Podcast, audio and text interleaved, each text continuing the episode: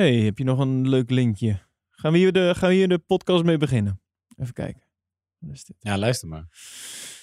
Eh, Yeah, so let's have a look at the last sector. oh, Uh, so deze. P3 at the moment, it's uh, six and a half tenths at uh, Yep. Perez at P1. Six and a half tenths. ja, mooi hè? Die, die Je verbazing hoort bij gewoon de zucht. Ja, ja maar echt zo van, maar hoe dan? Hoe is dit mogelijk? Dat in de afgelopen acht jaar is er nog nooit iemand 6,5 tiende sneller geweest.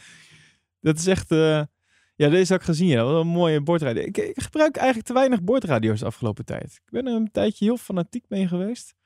Ja, het knippen en plakken is altijd een beetje werk. Het, het- nou ja, het, is, het, het, het vergt wat tijd. Maar ik vind het, ik vind het eigenlijk wel leuk.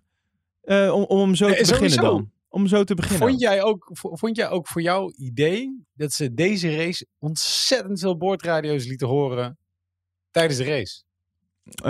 Want dat Ehm, is in sommige races ja. ook meer en minder. En deze keer ik heb echt meerdere keren dat mijn vriendin het zelfs zei. ze, Eh, maar ik hoor ze nou al heel veel praten. Dat kan alleen maar zijn omdat het verder een saaie race was. Of ben ik, begin ik nou weer negatief? Des te misschien. saaier de race, des te meer bordradio. Of is dat niet waar? Je zou Ja, juist maar dan zijn de boordradio's ook lang niet zo spannend. Nee, je dat had is- weer geen via boordradio bijvoorbeeld. Maar Nee, ik vind het wel leuk. Ik vind die boordradio's vind ik dus echt, eh, dat mag voor mij nog meer. dat vond niet ik alleen ook. in de podcast, maar ook gewoon tijdens de race. Eh, dat vond ik ook zo leuk altijd eh, aan die app, de, F, de F1-app. Ja. Is dat je daar ook echt wel, nou ja, ik weet, nou, waarschijnlijk hoor je niet alle bordradio's, maar een minder gefilterde versie dan dat je op tv ziet, komt, zie je dan, kon je wel luisteren in, de, in die F1-app. Maar ik, ik kan dat niet meer echt terugvinden. Er is een update geweest en ik kan die functie niet meer echt lekker terugvinden waar je dat, eh, waar, misschien dat eh, als iemand weet hoe dat werkt, die ook die, eh, die app gebruikt, laat het me weten. Maar Oh ja, want daar ging ik eigenlijk wel voor. Ik ben na het eind van deze maand eindelijk uit de gruwelijke klauwen van Ziggo verlost. omdat het, eh, dit- je voor de helft van het geld drie keer zo snel en stabiel internet hebt bij KPN. Ja, dit, is, en dit is niet gesponsord trouwens. Dit is niet Eh, gesponsord Maar door. ik heb wel Maar- KPN afgesloten trouwens vorige week. Maar dat is een ander verhaal. Ja, en dan, ik, ik doe er gewoon F1 TV eh, bij, want we zitten nou toch allemaal met die rechten. En, en ik vond de app, Ja. ik bedoel, wij hebben samen wel eens de race gekeken en hadden bij jou ook natuurlijk ook je laptop openstaan op de app. Ja. Maar als je toch Ziggo hebt, ik wil het dan toch, ja, weet je, voor uit gemak kijk ik gewoon altijd de race op tv, want dat is gewoon het makkelijkst. Ja, ja nee, Ehm, zeker. Maar dan is het die toch app wel... is ook best wel onstabiel en dergelijke, dus ik hoor daar best wel veel klachten over. Maar ik ga nou gewoon om. Eh, fuck it. En dan eh, vooral voor de boordradio's. Dus ik was juist helemaal happy. Nou ja, maar eigenlijk, dat is de grap. Je moet, je moet de app eigenlijk niet per se eh, nemen voor de... Ja, kijk, het is, leuk, het is wel fijn om bijvoorbeeld sect- sectortijden te zien en zo. Dus da, da- dat is wel leuk meekijken. Om, om Ja. ja, dat wat je dus niet in beeld ziet, om dan toch te zien of iemand een snel rondje pakt of niet. Of hoe iemand elk rondje wel of niet verbetert. Ehm, dat is leuk aan te zien. Maar eh, er, zit, er is zoveel meer content eh, te vinden op die, op die app. Het lijkt nou weer alsof we nou een of andere... Deze aflevering we, wordt we gaan even naar een woord van onze sponsor. Dit is nieuw in de, in de podcast. Ehm, kom er maar in. F1 TV Pro. Eh, Nou ja, ik, eh, ik gebruik het al jaren. En eh, ik kan eigenlijk niet zonder. deze podcast kan eigenlijk niet gemaakt worden zonder de app van Formule 1. Nee, maar ehm, er zit zoveel andere content in die echt super leuk is. Ehm, dus dat. Hoor je mee? Ja, nou hoor ik je. Oké. Ik drukte, sorry, ik drukte ergens op mijn toetsenbord en toen ging opeens mijn Spotify aan en toen ging jij uit en je ging niet meer aan. Oh, je, je ging gewoon even Spotify luisteren terwijl wij gewoon een podcast aan het opnemen zijn, Matthijs. Ja, ja, ik ben dat toch. Dat, ik merk dat ik dat gezeur van jou de laatste tijd sneller, sneller zat ben. Dus ik hield het vroeger een uur vol, maar het is nu na drie minuten echt genoeg Ik geweest. krijg dat vaker te horen. Ja, en dan ga ik gewoon terug naar iets spannends. Ik luister een audioboek, Het Val van het Romeinse Rijk. Heerlijk. Oké, Zoveel spannender. nou ja, als je het al geen uur meer met me uithoudt, dan moeten we misschien maar snel gaan beginnen. Want dit, dit voorstukje is alweer eh, meer dan zes minuten zo te zien. Nee, ja, eh, zullen we het maar lekker gaan doen? Ehm, geen andere boordradio's, dat, dat zeg ik dan wel meteen bij. Maar wel heel veel andere eh, facts. Eh, ik heb echt heel veel leuke feitjes. Dat is een beetje mijn, mijn nieuwe boordradio geworden. Leuke feitjes opzoeken. Laten we gaan beginnen.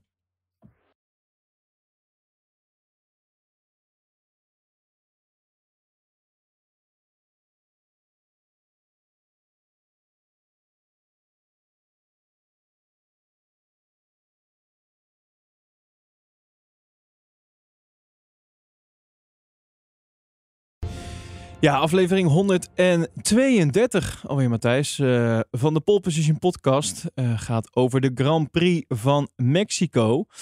Op het, en dit hebben we even hierbij onderzoek naar gedaan, eh, om het goed uit te spreken. Het altijd, jeetje, nou ga ik verkeerd. Nou zeg ik het de hele tijd goed en dan moet ik het, ja, om de spot lukt het me niet. Autódromo Hermano Rodriguez. Dat is hem. Jij zegt het. Ja, toch? Ja, jij had, jij had meer de in Mexico. Jij had meer de Rotterdamse variant. Autodromo, Autodromo Hernandez eh, Rodriguez. Hermanos Rodriguez. Oh ja, Hermanos Rodriguez. Yes.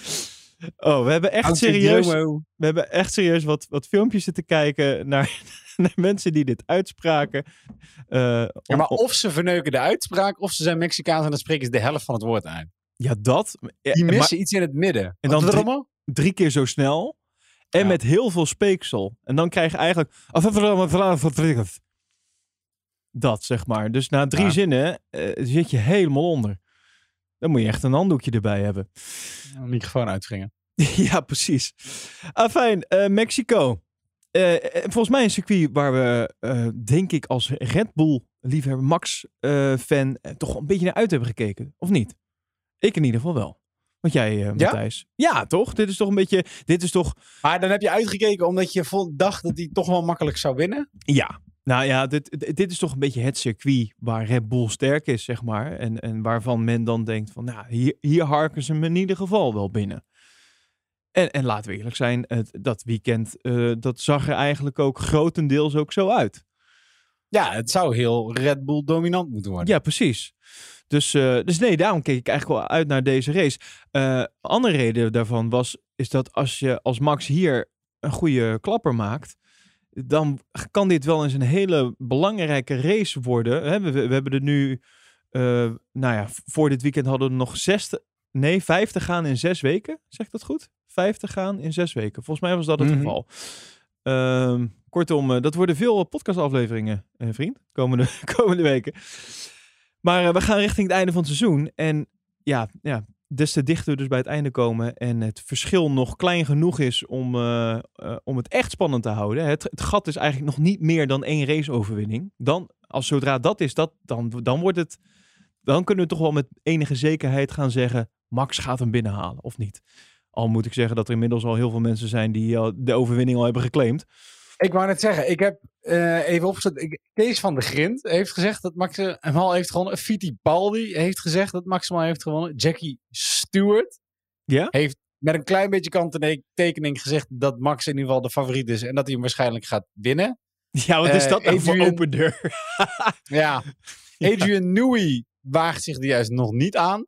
En ik heb op social media ergens afgelopen week iemand voorbij zien komen die het al had laten tatoeëren op zijn kuit. Nee. Ja, zeker. Is, ja, eh, ja, er zijn van die mensen op deze aardkloten Ja, die eh, vijf, eh, vijf wedstrijden voor het einde van een, van een voetbalkampioenschap of eredivisie al heel grote overwinningen laten tatoeëren. Ik heb er volgens mij een keer gezien van iemand waarbij dat dus uiteindelijk niet gebeurde. Dus die heeft Ja, die nou wel vaker. Je had het toch met, eh, met Engeland, die, laatste, die, die uiteindelijk het, eh, het WK verloren. Ja, ja. Er waren ook al mensen die dat... er eh, waren zoveel mensen die het al hadden laten tatoeëren. En het stomme is, kijk, je hoort altijd van de mensen die dat fout hebben gedaan. Maar je hoort nooit meer van de mensen die het, nee, dat zeg maar is waar, correct, ja. die het goed hadden. Dus ik snap de, de overwinning ook niet. Want dan, je, je moet er dan altijd bij zetten. Oh ja, maar wacht, ik, ik heb deze laten tatoeëren voordat hij eigenlijk gewonnen had. Ja, maar Matthijs, er zijn Hoe ook heel weinig... is dat? Dat je dat altijd over je tatoeage moet zeggen. Ja, maar er zijn ook heel weinig mensen die laten tatoeëren dat hun club gaat verliezen. Ja, nee, maar bedoel, er zit gewoon, er zit gewoon geen winst aan of zo. Dus Nee, klopt. het is gewoon altijd... Maar iemand die had echt het, het logo van Max met die... eh, ja, het moet een leeuw zijn. Ik vind dat een aap. Het moet een leeuw zijn, toch? De ontwerper van die leeuw. ik hoop dat Ja. hij niet luistert. Op En dan moment. 33 F1 2021 World Championship. Ja, nou ja, ja, laten we het hopen. Toch? Laten we het hopen. Ehm, waar, ik nog, waar ik eigenlijk nog meer op hoopte dit weekend, behalve dan dat Max natuurlijk eh, eh, flink even zou uitlopen op Lewis, is eigenlijk op een, op een goede thuiswedstrijd voor Sergio Perez. Daar hoopte ik eigenlijk nog net even iets meer op. Ja. Eén, omdat ik het gewoon heel erg gun dat hij gewoon nog eh, echt een goed resultaat voor Red Bull nog pakt. Eh, en daarbij natuurlijk, ja, je thuiswedstrijd. Dat is toch fantastisch als je hem daar, eh, Ja, overwinning zou natuurlijk helemaal fantastisch zijn. Dat zag Ja, ik en zo... dat nog nooit de Mexicaan hem ook heeft gewonnen. Hè? Ja, dat is waar. Zo- Is dat... Ja, klopt dat waar? Is er Ja, geen... zeker, zeker. Nee, dat is waar. Ja. Je hebt heel weinig Mexicanen in de, in de Formule 1 überhaupt. Nou ja, daarover gesproken. Het, het, eh, het circuit is daarnaar vernoemd. Zullen we even naar die track facts gaan? Want je hebt vast Ja, wel wat nou. track facts bij de hand. Zoals Komt ie, altijd. even een mooi bumpertje. Pole Position Podcast, Track Facts. Altijd dromen Ja, hebben aan want- Rodriguez. Ja, want waar is dit circuit wat Elvin zo duidelijk uitspreekt naar vernoemd? Naar Ricardo en Pedro Rodriguez, twee eh, broers. Eh, kort na de opening van het circuit stierf Ricardo Rodriguez tijdens een training voor het 1962 Mexican Grand Prix.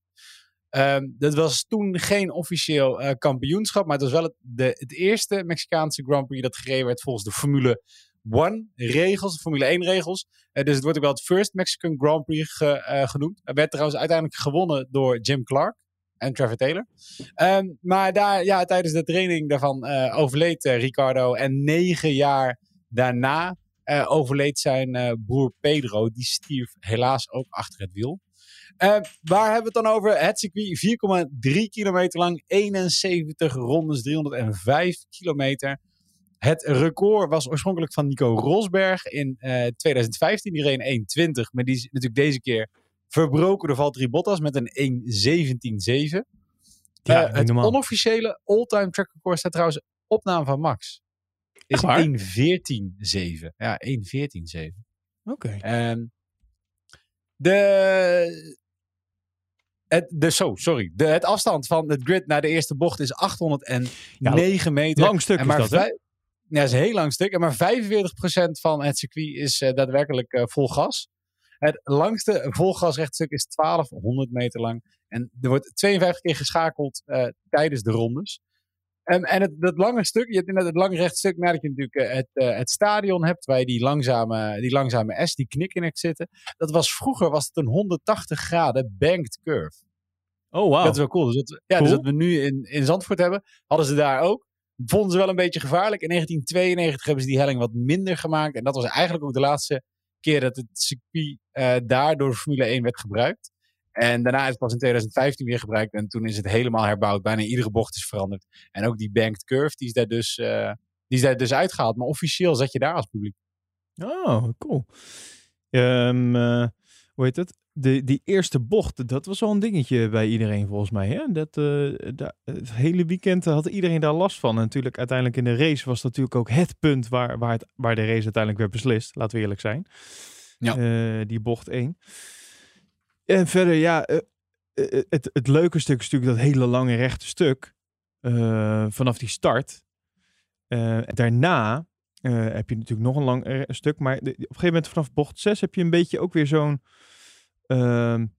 ja, wat een beetje het S-achtig gedeelte. Eigenlijk tussen 6 en 12 vind ik eigenlijk een beetje het leukste stuk op, op, op dat circuit. Ja, die sector 2. Daar zit de eerste Ja. DRS-detectiezone Ja, in. En aan het einde van die, nou, tussen bocht 11 en 12, heb je natuurlijk de eerste DRS-zone. En dan, en dan dat stadion, hè. Dat, is, dat blijft toch ook wel heel gaaf eh, als je daar Ja. doorheen rijdt. Laten we eerlijk zijn. Ja, en, en dan eh, natuurlijk eh, waar Mexico natuurlijk ook een beetje bekend om staat. als, je daar, als je daar wint, dan mag jouw autootje die mag, op de lift. En dan wordt hij naar boven eh, ge- gebracht. Ik vind, het, ik vind het altijd wel gaaf. Het ziet er toch een beetje... ziet er prestigieus uit of zo. Dat voel je toch net even iets meer een winnaar. Tenminste. Nee, ja, zeker. Ik vind het is, het is wel een leuk circuit. Er zit trouwens nog best wel wat, eh, wat hoogteverschil, ook in het circuit zelf. Ik vind dat je dat minder door hebt. Ja, dat heb je niet zo door als je, tenminste als je daarnaar kijkt. eh. ja, die Nee, hè? 2200 meter hoogte, hè, dat is eh, waar het op ligt. eh, en en wat, wat mij opviel is dat er over die ijle lucht niet zo heel veel werd gesproken eigenlijk dit weekend. Dus natuurlijk een beetje waar de afgelopen jaren, naar mijn idee, werd daar veel meer over gesproken. Over dat dat zo'n voordeel voor Red Bull is. voor die motor, die kan dat beter hebben. Ehm, maar daar, daar hoorde ik dit weekend eigenlijk bijna niemand meer over. Dat viel me heel erg op. Nee, hoewel er wel het hele weekend eigenlijk gesproken werd over het feit dat Red Bull hier zo dominant zou zijn. En dat iedereen Red Bull in zijn spoor moest volgen. Wat de kwalificatie op zichzelf eigenlijk ehm, wonderlijk maakte. Ja, ja, ja, ja. Ja, en wat, wat, wat, ik, wat mij nog opviel aan het begin van dit weekend.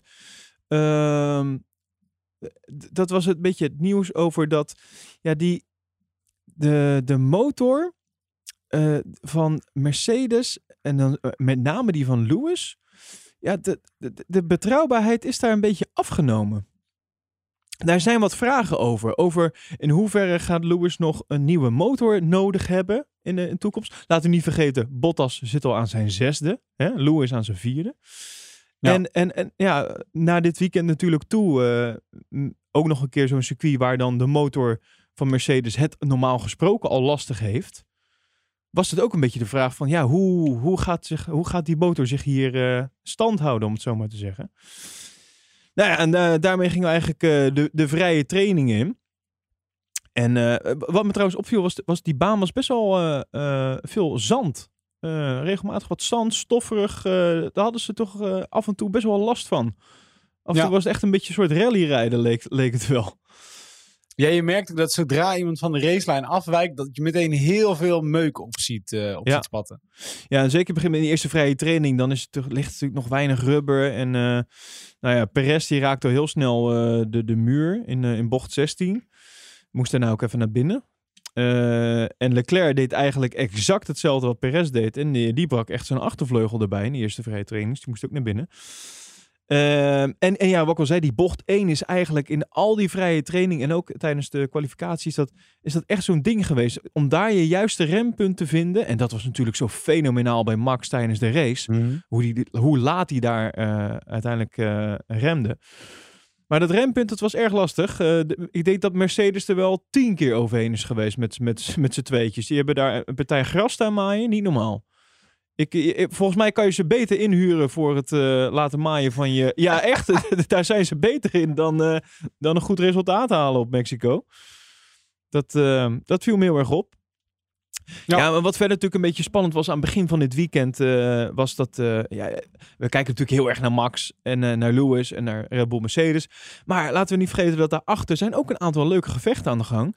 Ehm, zo zijn McLaren en Ferrari, die zijn natuurlijk met, met elkaar in gevecht. En dat verschil is allemaal heel klein, want het gat tussen, tussen die twee was bij aanvang van het weekend nog maar 3,5 punt.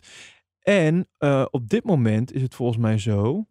Ehm, oh, dan moet ik even kijken. Dat heb ik trouwens niet opgezocht. Eh, misschien kunnen we dat zo eventjes opzoeken op hoe dat gat nu is tussen die twee teams. Als ik het heb over Ferrari, McLaren.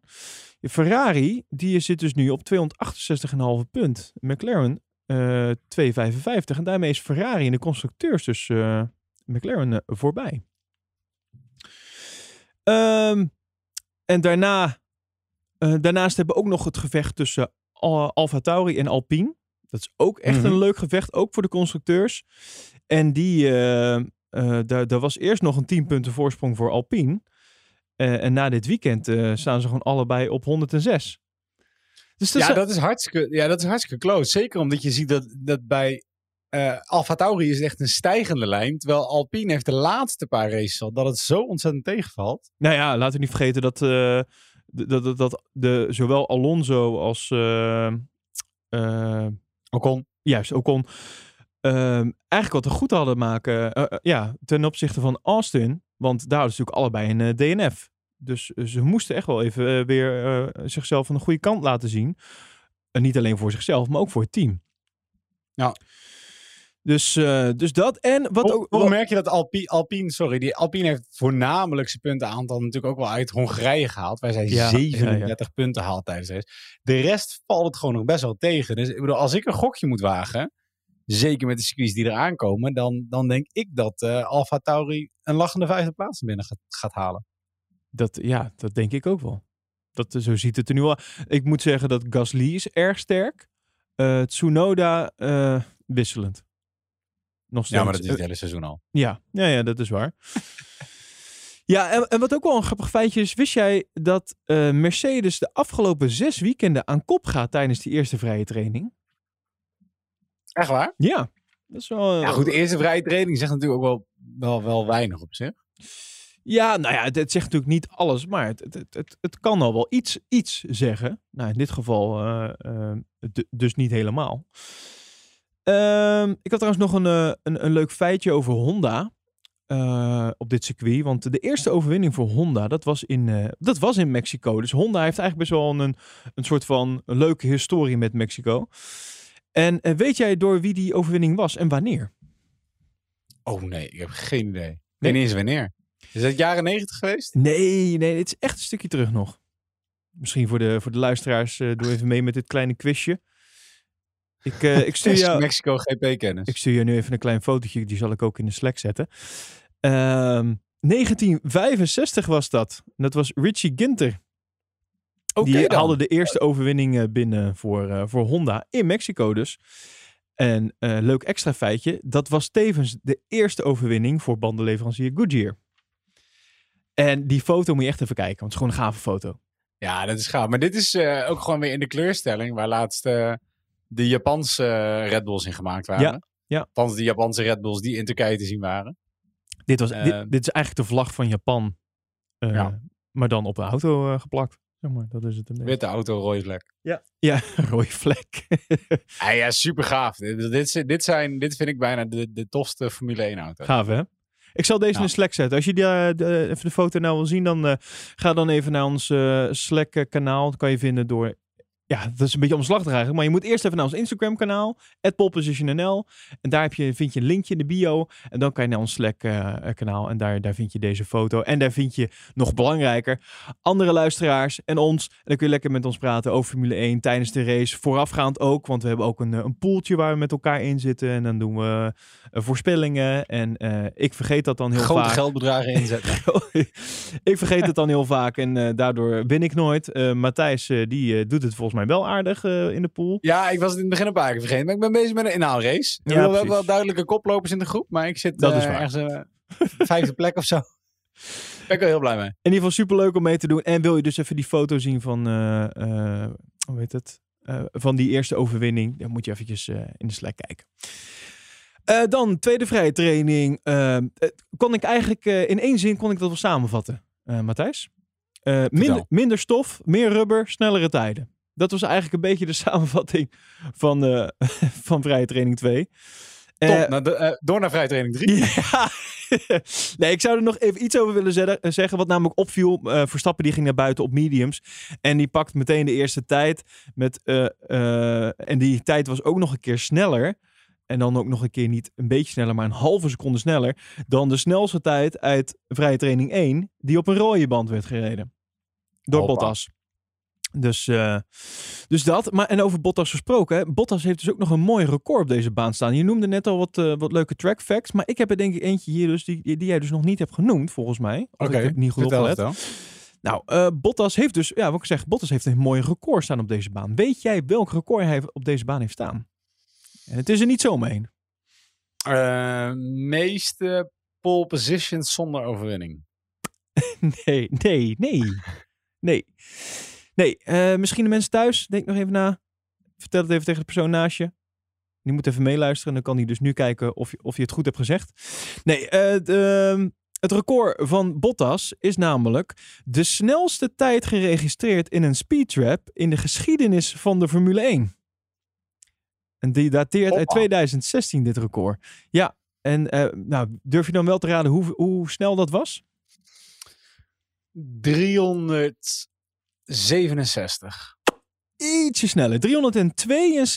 372,5 km per uur werd er Nee, geregistreerd. Ja. Gaaf, hè? Dit, eh, ik, had niet, maar ik had niet gedacht dat het hier was. Want we hebben een keer eerder een onofficieel snelheidsrecord, een onofficieel snelheidsrecord van Bottas gehad. dit, Deed ik dit, toevallig. dit is, eh, ja. Dit, dit, zo staat het in een boek in ieder geval. Maar mijn, mijn hemel, net op, dat op dit stukje. Nou ja, omdat er ook nog wel, wel wat andere circuits zijn die je daar eerder misschien bij denkt. Als je het hebt over echte snelheidsrecords. ja, ik heb geen idee. Maar 300, 372 zijn. Ja, 372,5. Eh maar eh, ja, dit is hoe ik het in de boekjes heb gevonden. Maar eh, zoals we ook vanuit de vorige aflevering weten, we hebben het niet altijd bij het rechte eind. Wat was dat nou vorige Nee, keer? ja, moeten we daar nog... Je had het net over banden. Ik dacht dat dit gaat deze kant op. Slechte- Jij en ik hebben allebei een heel warm gevoel bij het woord Michelin. En zien bij dat koddige, dikke, ronde, bandige mannetje ja, ook precies, meteen ja. twee Ferraris. Ja, ja precies. Komt hij, wacht even, komt hij bij deze. Pole Position Podcast rectificatie. nou, eh, ja, gooi hem er maar in, Matthijs. Want eh, wij werden ja, even wij hadden- gecorrigeerd. eh, we werden op ons vingertjes getikt in, de, in, Ja. de- in ons Slack-kanaal. Ik moet even kijken wie dit was. Weet je wie dit was? Was dat... eh, Ik heb het er Ja, niet meer bij. mensen. Ik weet dat, dat Wim zei het volgens mij, maar er was nog iemand anders die het ook al eh, noemde. Oh nee, ja, ja. Ja. Wim. Wim die zei het, ja. Klein Nou, foutje, mannen. Ferrari is Bridgestone, geen Michelin. Ja, inderdaad. Fout. Het waren juist alle concurrenten die Ja, ook nog op, eh, op Michelin reden. Want ik, ik moest inderdaad denken aan het, wat was dat seizoen eh, 1995.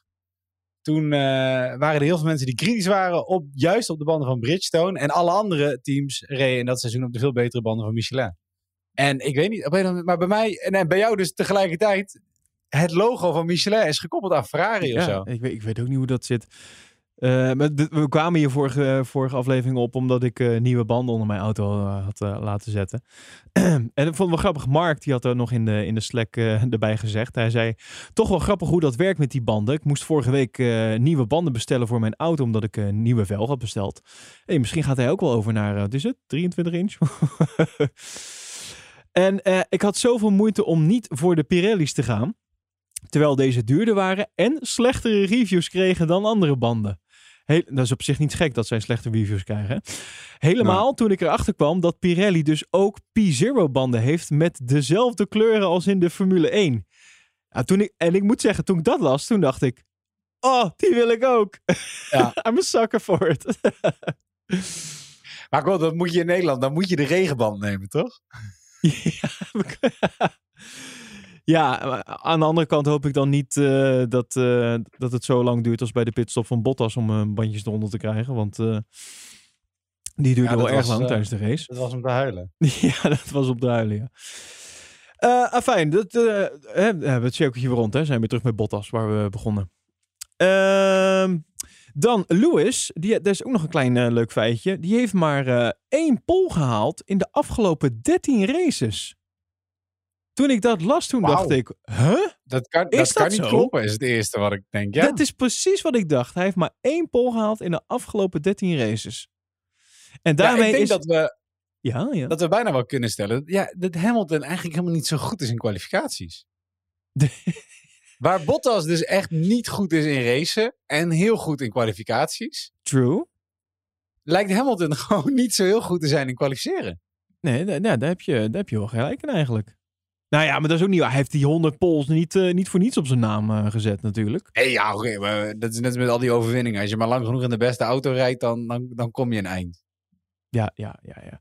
Nou ja, ik, ik, ik ik ben het eens even gaan opzoeken. Maar, ehm, eh, want de laatste 13 races, even kijken. Als we dan terug gaan, gaan, gaan rekenen.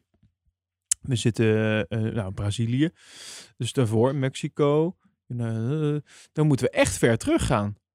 Zitten we dan Ja. Sp- Spanje of zo? Even kijken. Ja, Spanje heeft hij nog eh, eh, een pol gepakt. Monaco. Dat was Leclerc. Oh, die hele gekke natuurlijk. Azerbeidzjan was ook Leclerc. Daarna was het Max in Frankrijk. Steering Grand Prix was ook Max. Is ook Oostenrijk. En dan Oostenrijk weer Max. Dan Engeland. Oh, hey, hier staat Engeland Mercedes. Lewis Hamilton. Dus dat zou dan niet helemaal kloppen wat hier nu eh, wordt gezegd. Wat raar. Hm. Maar het punt blijft, hij is niet zo. eh, hij is niet zo. Ja, niet zo goed in polrijden. Nou, in ieder geval dit jaar heeft hij er gewoon heel moeilijk mee. Dat is het denk ik ook voor- vooral. En Ja. wat je zegt, eh, eh, er zijn anderen die op de zaterdag beter, eh, eh, eh, beter presteren soms. Eh, denk aan Russell bijvoorbeeld. Dat is niet iemand die pol pakt, maar er zijn wel jongens die op de zaterdag beter zijn dan eh, vaak op de, op op de racedag. zondag. En Nou. ja, laten we eerlijk zijn, dat was, de, dat, dat was nu ook weer. Ehm, Max die pakt niet de pol, maar uiteindelijk eh, in de eerste bocht wint hij de race, zeg maar. En dan, ja, Ja. dan is Nou, het ik denk dat dat is, dat is ook wel belangrijk. Want ehm, denk je dat was in dit geval Mercedes gewoon echt heel goed met kwalificeren? Of was het alleen maar omdat het gewoon misging bij Red Bull? Eh, nou, het ging wel mis bij Red Bull, ja. Dat, daar ging het, ik denk dat, dat dat het vooral was. Want daardoor heeft Max of Perez wel een van de coolste trofeeën tot nu toe misgelopen. Die je krijgt voor Ja, een dat, eh, goed dat je die even aanhaalt. Ja, de, het was volgens mij zelfs eh, Sir Jackie Stewart die hem... eh, wie was het nou? Die hem uitreikt. Ja, Ja. Jackie Stewart die heeft, Ja. die heeft. De, Ja. de Fangio helm. Wat een prachtige trofee is dat, hè? Ja, super cool. Heb je die foto ook gezien van Bottas met dat ding op zijn hoofd? Oh nee, oh, nee die heb ik niet gezien, nee. Nee, nee. Oh ja, die, sta, die staat ook in de... wil niet dubbel promoten, maar die staat ook in de Slack. Oh, die, die heb ik erin gezet. Nee, ja, hartstikke, hartstikke cool. Maar ja, want dat was het wat mij het meeste bijbleef van de kwalificatie. Ik vond ook geen heel wereldschokkende kwalificatie. Buiten dat Red Bull dus best wel slecht deed in verhouding. Wat voor mij in mijn pools betekende dat ik ook best wel conservatief ben geweest in het inschatten van de kansen van Red Bull. Of eigenlijk optimistisch nog was over Mercedes. Ik dacht, nou, ze hebben het best wel voor elkaar toch. Als je kijkt naar die kwalificatie, ja, we racen op hoogte. Ja, daar hebben ze moeite mee. En, en ja, dit is niet echt hun circuit. Ik zag het nog best wel positief in. Ik denk, Hamilton, die houdt helaas gewoon de eerste plaats. Lekker conservatief. Bottas, die doet het altijd slecht op zondag. Die eindigt vierde. Ehm, maar de realiteit was, dat was gewoon nog veel erger dan dat. Nou, laten we eerlijk zijn. eh, eh, vrije training 3 was ook gewoon eh, met, wat is het? Bijna zeventiende wa- was het Hamilton die achterlag op, op, eh op Perez. Die eh, toen Ja. de snelste tijd eh, reed. Dus op zich, het was, het was ook wel te verwachten dat dat zo ging gebeuren. Maar het was natuurlijk ook opvallend. En ik weet niet of dat nou echt heel erg mee te maken had. Maar aan het begin van die kwalificatie zaten ze ook nog een beetje te sleutelen aan die achtervleugel hè? Bij, bij Red Bull. Ja. En het, nou weet ik niet of dat één op één er dus mee te maken heeft. Maar ik had zo'n gevoel dat daar ook ineens wat, wat werd ingeleverd aan snelheid of zo. Ja, en uiteindelijk is eh, na de crash heeft Perez een tweedehands vleugel van Max achter op zijn auto gekregen. Oh, na die crash eh, in de eerste vrije training? Ja. Oh, ja, ja, ja. Ja, want ze hebben, dit schijnt, dit is een beetje het gerucht dat Red Bull langzaam tegen een onderdelen aanloopt. Eh, onder andere ook vanwege natuurlijk de budget cap. En dat een achtervleugel, dat je die niet altijd zomaar bij hebt. Dus dat ze niet, niet een eindeloze reserves daarvan hebben. En dat hij gewoon een, een oude vleugel van, van Max kreeg. Oh, op die manier. Wat grappig. Oké. Eh, hoe dan ook, het heeft best wel voor hem gewerkt als je uiteindelijk naar de race keek. Maar, eh, dus misschien daar zijn ze ook wel druk mee bezig geweest. En ik weet niet, is het misschien ook niet een soort van sandbagging van, eh, van, van Red Bull? Zouden ze er opeens mee beginnen? Ja, ja dat, dat werd ook nog gezegd, hè? Dat dit, dit is, dat het helemaal bewust zo zijn uitgedacht. Dat hoorde ik ook nog mensen. Maar dit, dat kan toch niet? Dat, Nee. nee, joh. En dat, dan zouden ze Tsunoda er ook nog een keer bij betrekken dan. Nee, dat, kan- dit is gewoon, dit, dit is gewoon helemaal zo uitgepakt. eh, Waardoor, want laten we eerlijk zijn, eh, de startpositie eh, van Max was eigenlijk de meest ideale startpositie. Toch? Het was niet op het veld, het was aan de goede kant van de baan. Op het rechte stuk pak je natuurlijk met een goede start slipstream. En dan ga je er voorbij. Ja. Eigenlijk had- zat hij in de ideale positie. Dus, eh, maar er werd dus, wordt dus nu gezegd dat dan eh, de, de, die derde plek en het eigenlijk het geven van de pole aan Mercedes, dat dat dan strategie zou zijn geweest. Vond ik Echt erg ver gaan. Ja, dat vind ik ook wel. ja, sorry, dit hoor ik nu voor het eerst, maar dat vind ik ook wel een beetje tricky. Ja, ergens kan ik me voorstellen dat je, als je niet zeker bent dat je pol haalt en je wil wel aan die kant starten, dat je dan maar een derde plek accepteert. Ehm, Ja. maar, gewoon om, maar dan zou ik eh, niet eerder denken dat het strategie is, maar meer omdat je denkt als je Max en Hamilton naast elkaar zet, eh, ze in de eerste bocht heel snel een crash zouden hebben en dat je dat uit de weg zou willen Ja, gaan. precies. Ja. En uiteindelijk was het bijna Max, of was waren het bijna Bottas en Hamilton die met elkaar in het gedrang kwamen. En Max ging als een soort van lachende derde heen. En die Eh, kon, ja. die kon, nog gewoon buiten, die kon nog gewoon buitenlangs voorbij. Sterker nog, er zijn al berichten, eh, of ik heb al berichten gelezen, waarin Hamilton gewoon lekker de schuld in eh, de schoenen van Bottas aan het schuiven is. Huh? Echt waar? Ja, zeker. Ik heb een stukje gelezen en dit is eh, gewoon in het Nederlands vertaald. Maar Hamilton zei iets eh, in de lijn van... eh, ik probeerde de Red Bull die ik in mijn spiegel kon zien, dat was de Red Bull van Perez, achter me te houden. En ik dacht dat Valtteri hetzelfde zou doen. Maar het is duidelijk dat hij de deur voor Max open liet. En Max zat op de racelijn, dus hij leverde waanzinnig werk door zo laat, zo laat te remmen in de eerste bocht. Ik denk dat, ja, Hamilton is nou ook gewoon klaar met Bottas. Maar Bottas daarentegen heeft aangegeven, hij dacht dat Max zichzelf zou verremmen en dat hij rechtdoor zou schieten, omdat hij zo laat remde. Nou, dat, dat dacht eh, Christian Horner ook. Die, had er Ja. ook nog op. ge- eh, die, die dacht ook van: oh jee, Max die schiet door. En laten we eerlijk Ja. zijn, dat, dat was ook, hij had ook echt geen millimeter volgens mij later moeten remmen. Dan was het wel klaar. Nee, nee ja, zeker. ik denk gewoon eigenlijk dat Bottas een beetje bang was. Ik denk, Max die heeft er gewoon op gerekend. Die zat ernaast. Die denkt, wat er ook gebeurt, ik rem later dan die auto naast me. Weet je, gewoon zelf niet eens op je rempunt letten. Maar gewoon denken, ik, ik tik hem pas aan als die kaart voorbij schiet. En dan, eh, dan rem ik zelf. Ja. Eh, maar hoe dan ook, ja, het was, het was een prachtig begin van de race op die manier. Ja, nee, zeker weten. Eh, daarmee ook wel een van de spannendste momenten van de race, hoor, moet ik eerlijk zeggen. Ik wou net zeggen, want vanaf dan... Het was, ik weet niet hoe het bij jou was, maar ik was al laat. Ik kwam, ik kwam vanuit, eh, een klein side story. Ik kwam vanuit Friesland terug naar Nederland. Ik dacht, dat, nou, dat, nee, naar Nederland. ja, Naar precies, huis. want Friesland is ook Alle daadwerkelijk... Friesen gewoon- zijn boos. Ja. Ja. dat is bijna buitenland. Ik kwam terug naar huis en eh, we gingen redelijk op tijd weg. Ik wilde zeker zijn dat ik voor acht uur dat ik thuis was. Uiteindelijk zat het een beetje mee, duurde het langer. En toen ik binnenkwam rennen en ik zette de race aan, toen waren ze al in rondje vijf. En toen zag ik Max eerste staan. Dus ik dacht, oké, wat de fuck. Ik heb hem gepauzeerd en ik, wou, ik heb opnieuw begonnen. En eh, ik heb de race gewoon eh, echt met 10 minuten verschil, zeg maar, heb ik hem uiteindelijk eh, aangezet. Ik dacht toen nog, wauw, dit is helemaal spannend. Ik was helemaal hyped. Dat eerste stukje gebeurde. En daarna moet ik zeggen dat ik toch wel hard tegen de slaap heb moeten vechten om de rest van de race dat snap ik. uit te kunnen zien. Ja, nee, dat, dat, dat snap ik heel goed. Het meest spannende was volgens mij de, de, de pitstop van Bottas die lang duurde. En eh, ja, wat nog meer? Ik, eh, eh, ik kan me niet echt nog eh, iets anders herinneren waarvan ik dacht, nou, dat vond ik echt heel leuk om te zien of heel interessant. Om Nee, zijn. nee, ik vond het uiteindelijk leuk om te volgen hoe Perez steeds verder inliep op, op Hamilton. Ja, en dat. dat was gewoon tof om te zien. Bedoel, als de race nog vijf rondes langer had geduurd, dan had hij hem sowieso gehad. En één ronde zou ik niet even zeggen, maar met vijf rondes had hij hem zeker wel, wel te pakken gehad. En wat bijzonder, nou, wat bijzonder was dat Bottas niet voorbij Daniel Ricciardo kon. Notabene Ja, degene is- die hem ja. heeft aangetikt. Ja, maar je, dit is toch, ja, je verwacht het wel, maar tegelijk denk, vind, vind je dat het niet kan. Zo, of dat het niet mag, Ja. zeg maar. Ja. Oh nee, ja, maar ik wist al. Toen, toen ik eenmaal zag dat, die, dat, ze, dat ze op die manier achter elkaar reden, toen, toen zei ik dat ik ja, die, die komt daar niet achterweg. Dit wordt een eindeloos gevecht naar voren toe. Ja. Iedereen die ze tegenkomen is meteen de lul, want je wordt meteen de twee auto's ingehaald. Maar hij komt er gewoon niet langs. En Daniel is gewoon te goed in laat remmen. En Bottas is gewoon te slecht in inhalen om hier iets aan te doen. En dan is het gewoon heel pijnlijk. Nee. eh, vind ik om te zien.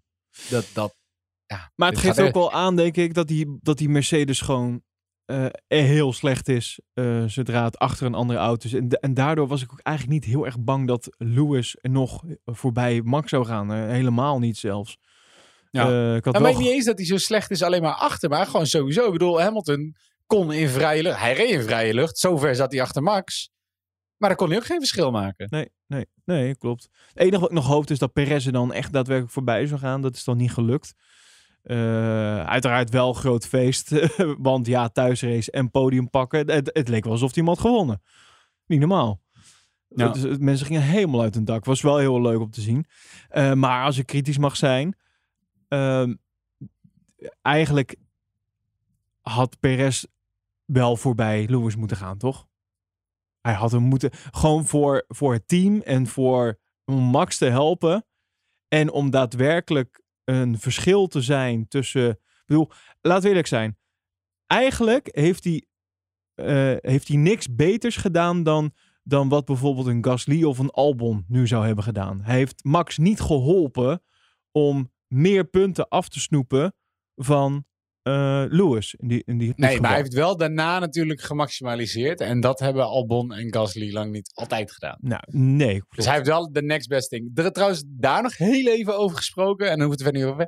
Gasly heeft het dan wel weer verbazingwekkend goed gedaan. Ja, ik dat- had hem niet eens in mijn top 10 staan, volgens mij. En hij heeft gewoon heel rustig in een soort niemandsland die vierde plek behouden. En daar de hele, de hele tijd op gereest. En dat vond ik best wel uitzonderlijk. Ik bedoel, dat laat zien dat hij het dus inderdaad in de Red Bull ook wel had kunnen doen. Ja. Eh, of dat we meer hadden mogen verwachten van Perez. Maar nee, ja. Hij doet, ja, Perez doet het goed, maar dat is het dan ook. Het is gewoon een, eh, een goede zeven. Ja, ja, ja, ja, ja, er mag echt soms. Nou ja, het, het moet eigenlijk nog wel iets meer zijn. Laten we eerlijk zijn. Zeker als je eh, in een team zit wat voor kampioenschap strijdt. En, ja, dan moet, en net zoals dat Lewis uiteindelijk ook gewoon eh, een betere coureur toch ook naast zich eh, verdient op sommige momenten. Niet altijd hoor, maar eh, net zoals nu weer. Het is toch weer Bottas die er dan... Ja, ik vind gewoon dat hij echt een grote fout maakt daar zo. Hij kiest, hij kiest geen kant. Hij kiest niet... kijk, hij kiest er niet voor om bij die start Lewis weg te drukken. Nou, dat moet hij ook niet doen, want zijn teamgenoot. Het gaat om, en het gaat om wereldkampioenschap. Dus ook al heb je je contract wel ergens anders getekend, misschien niet de meest slimme keuze. Maar hij drukt ook niet de, de, de, de link. Wat hij moet doen is gewoon die linkerkant wegdrukken. Max mag Ja. daar nooit voorbij gaan natuurlijk. Ik snap niet zo goed waarom ze dat niet hadden gedaan. Want inderdaad, eh, op de manier hoe je start, als ze gewoon allebei de weg naar links hadden gekozen, dan was de enige optie die Max had gehad, was helemaal naar rechts gaan en de binnenbocht proberen te pakken. En dat, nou, dan had hij op het vel gezeten, op de plek Ja, waar Lewis precies. nu zat.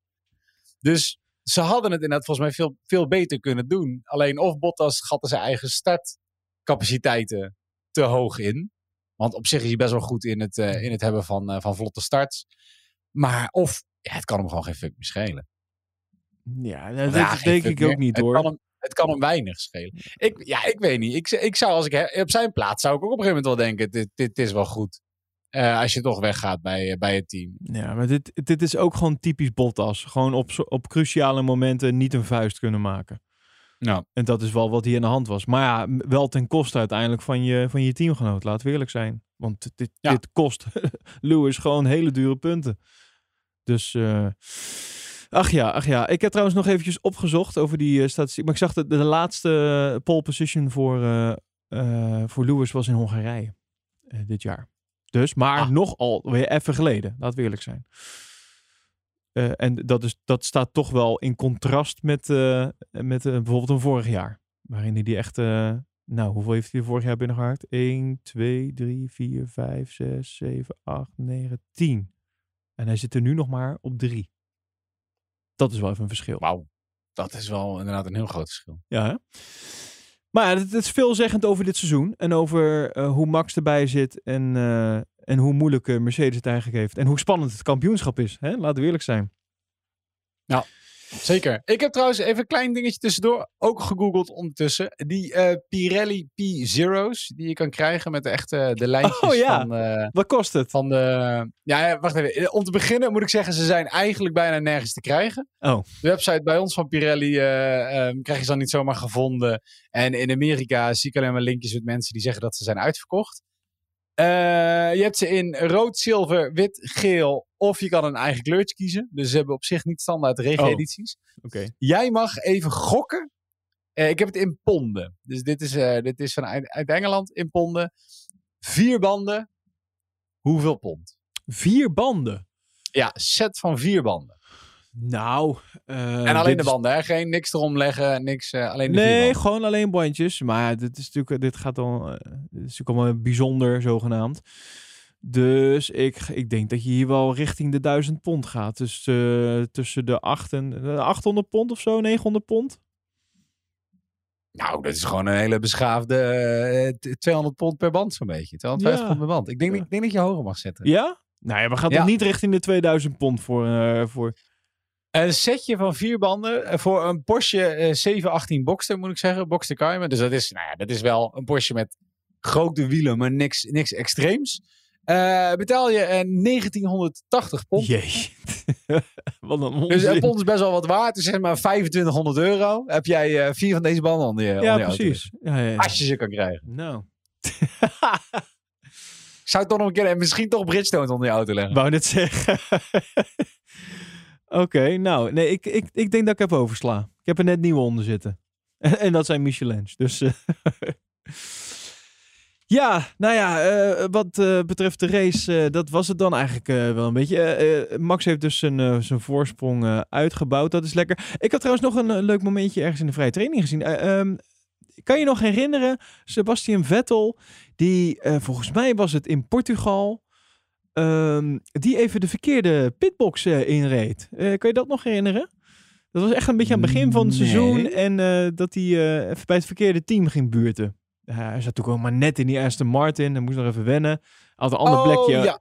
Hè? En Toen, de andere kleurtjes en ja. hij ja. reed toen binnen bij, ehm, bij McLaren. Bij de plek van Ricciardo. En toen dacht Ja. je ineens, oh wacht even, sorry, ik moet even doorrijden.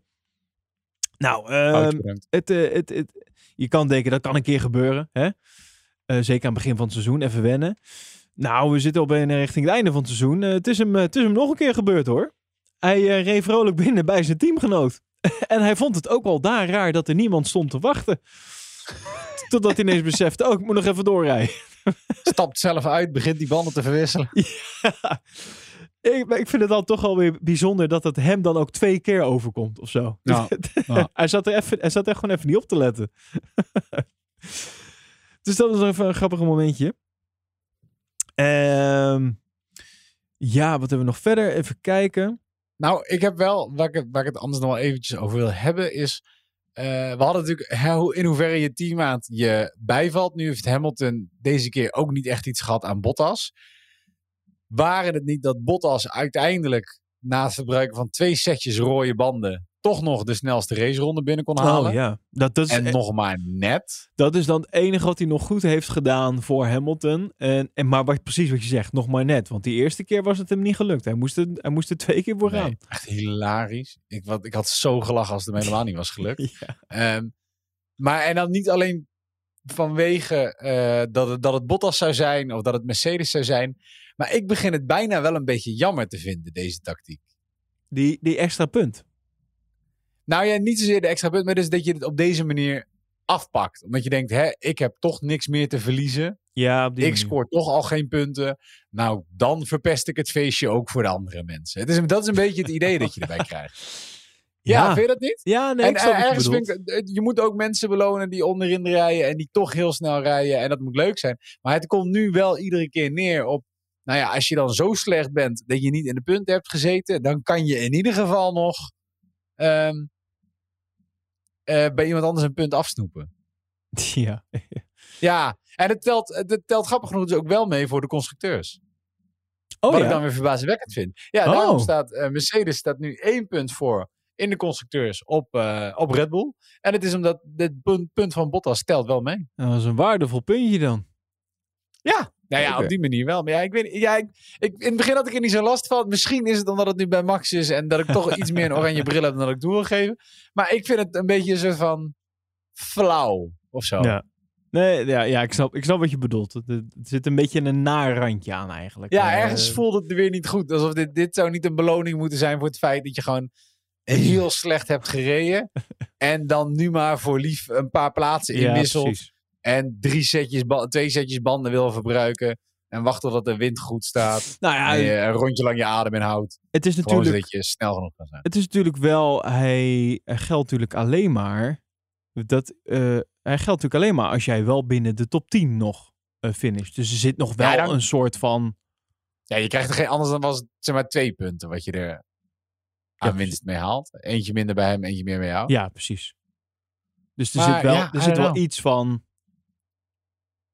maar ik Het ik snap leuk geweest als Sergio Perez daarna gewoon weer terug had kunnen kruisen. Dat hij nog de ruimte had gehad om nog een keer te pitten. En dat hij daarna gewoon over Bottas heen ging. Dat zou Maar- wel lekker zijn geweest, ja. Ja, nou, eh, waar ik het nog even over wil hebben is eh, Ferrari.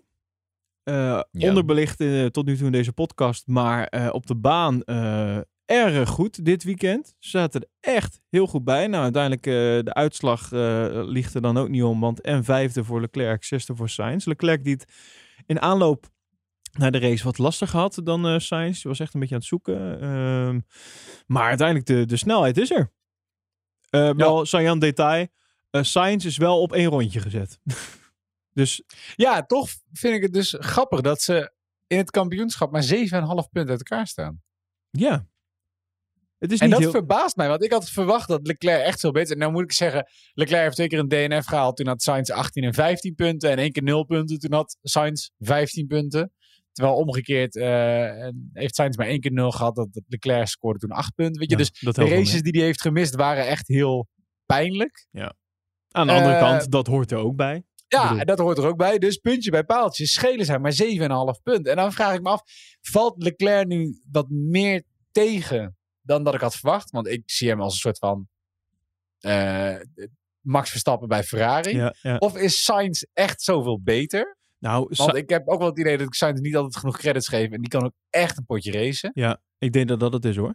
Ik, ik, als je het ik denk de verhouding eh, Max Perez eh, en bijvoorbeeld Leclerc Sainz, dan liggen Leclerc en Sainz veel dichter bij elkaar, voor mijn gevoel, dan Perez en, en Max. Ja. Nee, ja, zeker. Wat wel betekent dat als dit zo doorgaat naar boven toe, dan heb je misschien wel een keer een goede eerste en een tweede aan. Ja. Maar verbazingwekkend waren dus ook de teamorders die eh, Leclerc op een gegeven moment kreeg om Sainz voorbij te laten. Ja. Terwijl Leclerc staat hoger in het kampioenschap. Ja, maar dat maakt Ferrari denk ik niet zo ver uit. McLaren, ja, nou ja, in jacht naar, naar Norris zou die nog in kunnen halen. Ze krijgen toch Maar- de, de, de, de, de- Nou ja, de, de, Norris is veel meer in, in gevecht met, eh, met Perez. Ja, die schelen 15 punten. Het scheelt 22 punten naar beneden toe naar Leclerc. Maar goed, Norris hoeft ook maar twee keer echt een slechte race te hebben. Maar eh, het, het was namelijk dat eh, bij aanvang van eh, dit weekend was het maar één punt verschil, hè? Norris en eh Perez. Dus het is Ja. dat, dat, kijk, en dat, daar kwam eigenlijk bij het andere punt waar ik naartoe wilde. En dat is McLaren, die gewoon een heel slecht weekend heeft. Ja, het- ja. Ik weet niet wat daar is gebeurd, maar de, de, daar zit totaal geen pace in. Dit is, het, is, het is niks. Het is echt om te janken. En dan, Ja.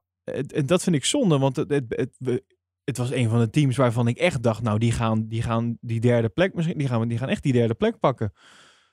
Misschien ja, maar wel, ik denk dat wel. zij dus ook gewoon heel erg last hebben van het hoogteverschil. Ja, dat zou zomaar van kunnen. de, de, de, de algehele hoogte van het ski. Ik bedoel, dit is wel de Mercedes motor. Ja. Ehm, Ja, ja. En zij hebben daar gewoon dan misschien dat Mercedes het bij zichzelf wat beter weet te verbloemen. Ehm, ook omdat de auto over het algemeen beter is. Maar dat McLaren hier echt heel veel last van heeft gehad. En dat ze het daarom ook zo slecht deden. Ik had Ricciardo ook veel hoger in mijn, in mijn noteringen staan. En nou, dat ongeluk, ja, daar kan je natuurlijk niet zoveel aan doen. Nee, ja. Maar ook hij deed er zo lang over om zich terug te vechten naar boven toe. En moest uiteindelijk eh, blij zijn met een, eh, wat was het, een achtste plaats? zevende plaats. Nee, Ricciardo? Eh, nee, sorry. Nee, twaalfde. Oh ja, Twaalfde. twaalfde. Ja, en ehm, eh, Norris tiende. Ja. Dus Norris nog net één puntje. Nee, dat was, dat was niet best eh daarentegen. En dat, was, dat vond ik wel ook wel een leuke eh, eh, in de race dan. Als we het dan over leuke dingetjes nog hebben die dan daarin zaten. Ehm, Vettel, die zevende werd in de Aston Martin. Ja. Rijkonen, achtste. Rijkonen in- achtste, ja. dat is, en Alonso negende de Alpine. En dat is bij elkaar opgeteld ehm, zeven keer een wereldkampioenschap wat hij rijdt met elkaar. Dat vind ik toch leuk. Ja, plek 7, 8 en 9. Dat is toch mooi? Ik vind Ja, dat, ja. dat bedoel, kijk, ja, die jongens die, die doen niet meer mee voor het kampioenschap. Maar dat, dit zijn toch, toch, laten we niet vergeten, zijn drie hele grote namen dit. Ja. Met gewoon een mooi staartje aan eh kampioenschap eh, op hun naam staan. Dus eh, ja, nee, dat vond ik wel leuk. En verder wie mij heel erg tegenviel was Lance Stroll. En dat kwam vooral door zijn moment in de kwalificatie.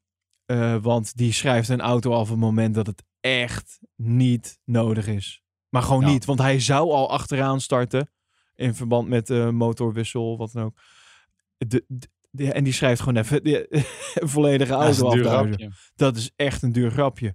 Ik, ik denk de gemiddelde andere coureur. Ik weet niet, ik weet niet we, we hebben natuurlijk vanuit de Drive to Survive eh, eh, Papa Stroll regelmatig voorbij zien komen. En ik weet niet hoe, hoe leuke vader hij is. Met andere woorden, ik ben blij dat het niet mijn vader is. Ja. Maar ehm, misschien dat hij het iets meer kan maken of zo. Ik weet niet, ik weet niet hoe die verhoudingen liggen. Maar bij een gemiddelde andere coureur, die zou toch flink op zijn flikken krijgen. Van, wat doe jij nou? Wat, Ja. wat- Nou ja, wie weet, misschien heeft hij eh, een goede oorvijg gehad achter de schermen. Ja, ja, ja. Wat wel, ik weet niet, volgens mij was het Kees van de Gin die ik dat hoorde zeggen. En dat vond ik wel een goeie. Dat, weet je, Aston Martin slaat sowieso natuurlijk een beetje een modderfiguur dit seizoen. Ja, En dit was een team die oorspronkelijk een auto kopieerde, die heel goed was. Maar ze wisten niet echt waarom die zo goed was. En die auto is niet echt doorontwikkeld of op de verkeerde manier. En nu is die slecht. En ze lijken ook niet echt te weten waarom die slecht is. nee, klopt. Ze, En dat is het. Ze kunnen niet de vinger. Ze proberen van alles en er er verandert van alles. Maar de auto wordt niet echt beter of heel onvoorspelbaar beter. En daarna ook weer slechter. Er is gewoon geen pijl op te trekken. En ze lijken het zelf totaal niet door te hebben. ja. Het- En dat is gewoon pijnlijk. Jammer, want ik ben. Nou ja, ik had, ik had Aston Martin in ieder geval de naam. Daar heb ik gewoon veel liefde voor. Eh, die had ik het graag weten zien doen. Ze komen toch een beetje in het rijtje van Alfa Romeo dan. Ja, zeker. Ik ben. Ja, maar wat benieuwd wat het volgend jaar natuurlijk voor ieder team wordt. Maar wat het gaat, eh, gaat doen. En wel Als ze helemaal zelf een nieuwe auto moeten ontwikkelen. Ja, Hebben ze al een tijd niet meer gedaan. nee, dat klopt. Ja, nou, zullen dan nog eventjes eh, een klein beetje nieuws erbij pakken? Het is niet zo heel veel, eh, moet ik eerlijk zeggen. Maar eh, nou ja, onder andere Hamilton die... eh, eigenlijk zijn dat de twee hoofdrolspelers worden toch het meest ondervraagd op dit moment. Hè? En Hamilton is er dan eh, eentje van. En eh, er wordt natuurlijk gevraagd, ja, zie je het dan nog zitten? Ga, ga je hem dan nog winnen of niet? Nou, ik, ik, Hamilton schijnt nog geen tatoeage van Max eh, te hebben laten zetten. Eh, maar ehm, hij, hij moest wel toegeven van eh 19 punten. eh, verschil, dat is wel veel. En dat is eigenlijk Ja. een beetje waar ik mee begon in de, in de, in de podcast. Zodra je zeg maar die eh, over, een overwinning verschil hebt, als je meer dan een overwinning verschil hebt, ja, dan zit je lekker in je auto. Want dan mag Ja. je gewoon een keer uitvallen zonder dat het probleem is. En daar zitten we wel bijna nu aan. Dus, eh, dus ja, dat is eh, waar, waar, waar in ieder geval Hamilton het eh, over heeft gehad. We moeten de punten binnenharken, want 19 punten verschil vind ik erg veel. Ja. Dan hebben we nog even kijken. Ja, toch, toch denk ik dat het blijft zo spannend. Want ook 19 punten, ja, het is comfortabel. Maar ook weer niet zo. Weet je, een DNF is gewoon zo snel gebeurd. Ja. Nou ja, en dan hebben we het ook nog een keer Ik, over... tenminste, ik ben er echt nog niet, ik ben er echt nog niet gerust. Ik ben steeds, ik ben dit begin dit jaar toen we onze pools moesten invullen voor het seizoen.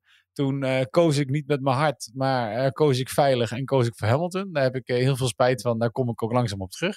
Ik geloof echt wel dat dit de beste kans ooit is die Max heeft op kampioenschap. En ik geloof meer en meer dat hij wereldkampioen wordt. Maar ik, Maar. Durf, ik durf nog geen tatoeage te zetten. Echt niet. het is wel een leuke. Als hij nou wint, ga je hem dan wel laten zetten? Nee, ook niet. Nee, het is Max' eerste wereldkampioenschap. Hè? Ik bedoel, eh, dat Ja, is... ongetwijfeld. Ik heb, eh, zijn wel meer eerste dingen die zijn gebeurd. Daar moet ik geen tatoeage van. Oké. Eh, nou, misschien heb ik dan nog wel een ander, eh, ander leuk dingetje waar je misschien een tatoeage voor kan laten zetten. Dat is namelijk eh, eh, eh, een, een overwinning die al wel is binnengehaald door Red Bull. En dan denk je, huh? Eh, wat dan? Nou, Red Bull die heeft de Fastest Pitstop Award alweer binnengeharkt voor het vierde jaar op rij. Daar gaat niemand meer overheen. Red Bull Racing die heeft, eh, die, heeft die, die award veiliggesteld, want eh, de snelste pitstop tijdens de Mexicaanse Grand Prix, die, eh, die, die werd dan niet door Red Bull afgeleverd, maar door Williams. Mhm. Maar de tweede en de vijfde snelste pitstop, die waren genoeg om die award dus binnen te harken voor, de vierde, voor het vierde jaar op rij. Nice. Dus eh, ja, als Max niet, wil, niet wint, hebben we in ieder geval nog die.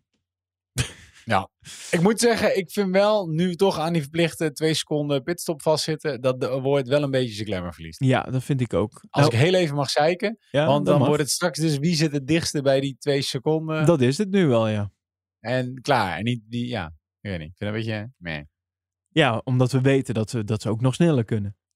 Ja, het kan nog veel sneller. Ja, precies. Maar goed, ja, dat, dat terzijde. Ja, ja, ja, ja. Ja, ja ehm, we hadden het net nog even over Alfa Romeo. Eh, eh, iemand die mij ook, eh, ja, maar dat is eigenlijk weekend en weekend een beetje tegenvalt. En dat is, ja, als we het over Alfa Romeo hebben, wie denk je? Nou, Nou, Zal ja, het? Ja, dat, tuurlijk, Giovinazzi. Ja. Die, die, het begint een beetje de tweede Mazenspin te worden. Ik zie die echt elk weekend van de baan wel weer een paar keer eraf vliegen. En dan, het, het voordeel is dat hij er niet schade mee rijdt, over het algemeen. maar, eh, maar in ieder geval, Nee, Alfa Romeo, die heeft... eh, wat, wat wil je zeggen, sorry? ik wil zeggen, hij doet, het, hij doet het inderdaad niet zo goed. Kwalificatie is sowieso niet zo goed in. Nee. Maar dat hij dan ook wel weer elfde is in totaal, vind ik dan wel weer oké is. Hij is heel, hij heeft een beetje wat strol ook heeft, dat hele grillerige. Soms laat hij even dingen zien Ja. en dan je denkt, nou, jij kan toch best wel een potje sturen. Ja. En het merendeel van de tijd denk je, eh, heb jij gedronken voor de race? ja, misschien is het wel zo. Weet je, hè, Ja, toch? Ja. Die jongen heeft een serieus probleem. Hij drinkt alleen op race dagen. ja, kijk, Kimmy drinkt nooit, because eh, the, I don't have to drink. Ja. Maar ehm, na de Grand Prix van Brazilië gaan ze bij Alfa Romeo eh, een beslissing nemen over eh, het tweede Formule 1 zitje. Want laten we niet vergeten dat die nog niet, eh, nog niet bekend is. Ehm, en ja, dan is de vraag, is die dan voor Giovinazzi? Of eh, gaat hij bijvoorbeeld naar Guyan Tsu? Wie? Tsu? Tsu. We hebben allemaal la- lastige namen, eh, de, de- deze aflevering. Het wordt er niet Wat makkelijk. er dan Monaco Vidret. Ja, maar ik weet niet. Want Giovinazzi is natuurlijk wel gewoon onderdeel van het eh, Ferrari-complot. nee, team. Ehm, eh, volgens mij zijn ze daar best wel dol op hem. Ja, ze hebben geen inspraak op het stoeltje van Alfa Romeo. Dat hebben ze ook al meerdere keren gezegd. Maar ik weet, ik weet niet of ze Giovinazzi zomaar weg zouden Nou ja. Vasseur heeft het nu weer, Nou, heeft het nu weer voor het zeggen nadat die Andretti-deal is eh, afgeblazen. Dus ja, ja het, mm, het zou zomaar kunnen. Ik, eh, maar ja, ja mm, mm, mm, ik weet niet. Ga- ja.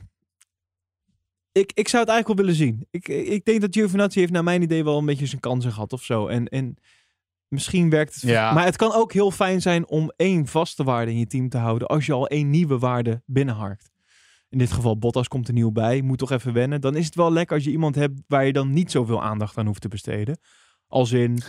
Nou ja, nee, maar je snapt wat ik bedoel. Toch? Ik je bedoel- weinig aandacht aan Gio besteden heel verstandig is. nee, ja, het is wel natuurlijk. Als je een herkenbaar iemand of een bekend iemand hebt binnen een team ook en met de auto. Aan de andere kant, het is toch een helemaal nieuwe auto. Hoeveel nut is Giovinazzi dan? Als je dan toch wil wisselen, zou je het dan niet meteen nu doen? Dat is waar. Dat is ja, ik weet je, het is wel iemand die. En het, volgens mij is het best een toffe kerel. Ook wel eh, off-camera, maar die ik niet heel erg ga missen. Nee, nee, nee. Het is niet een... eh, eh, we zullen er niet Max, een... eh, nee. het is geen Max. Nee, nee, dat klopt. Oké. Ik kan veel van Gio zeggen, maar het is geen Max. Nee, nee, nou, dat is... God, pot, er komen hier uitspraken in deze podcast. Je moet ze op een tegeltje zetten. Vol, vol kennis dit. Niet normaal. nou, ehm, ik ben er een beetje doorheen. Anders ik wel. Ja, ik, ik kijk uit naar Brazilië. Want dat is waar we naartoe gaan.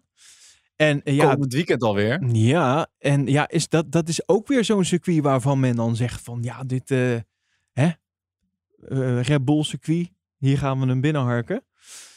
Ehm, als dat zo is, en het, het, naar mijn idee ziet het er wel een beetje zo naar uit, dan zou volgend weekend zomaar dus dat punt kunnen zijn dat Max meer dan, overwinning heeft. ja, precies. Dat hij dus meer dan een overwinning verschil heeft.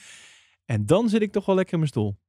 Daarna. Ja. En dan dat volhouden tot de laatste race. En dan de laatste race gewoon starten. En na de eerste bocht hem aan de zijkant parkeren en bier gaan doen.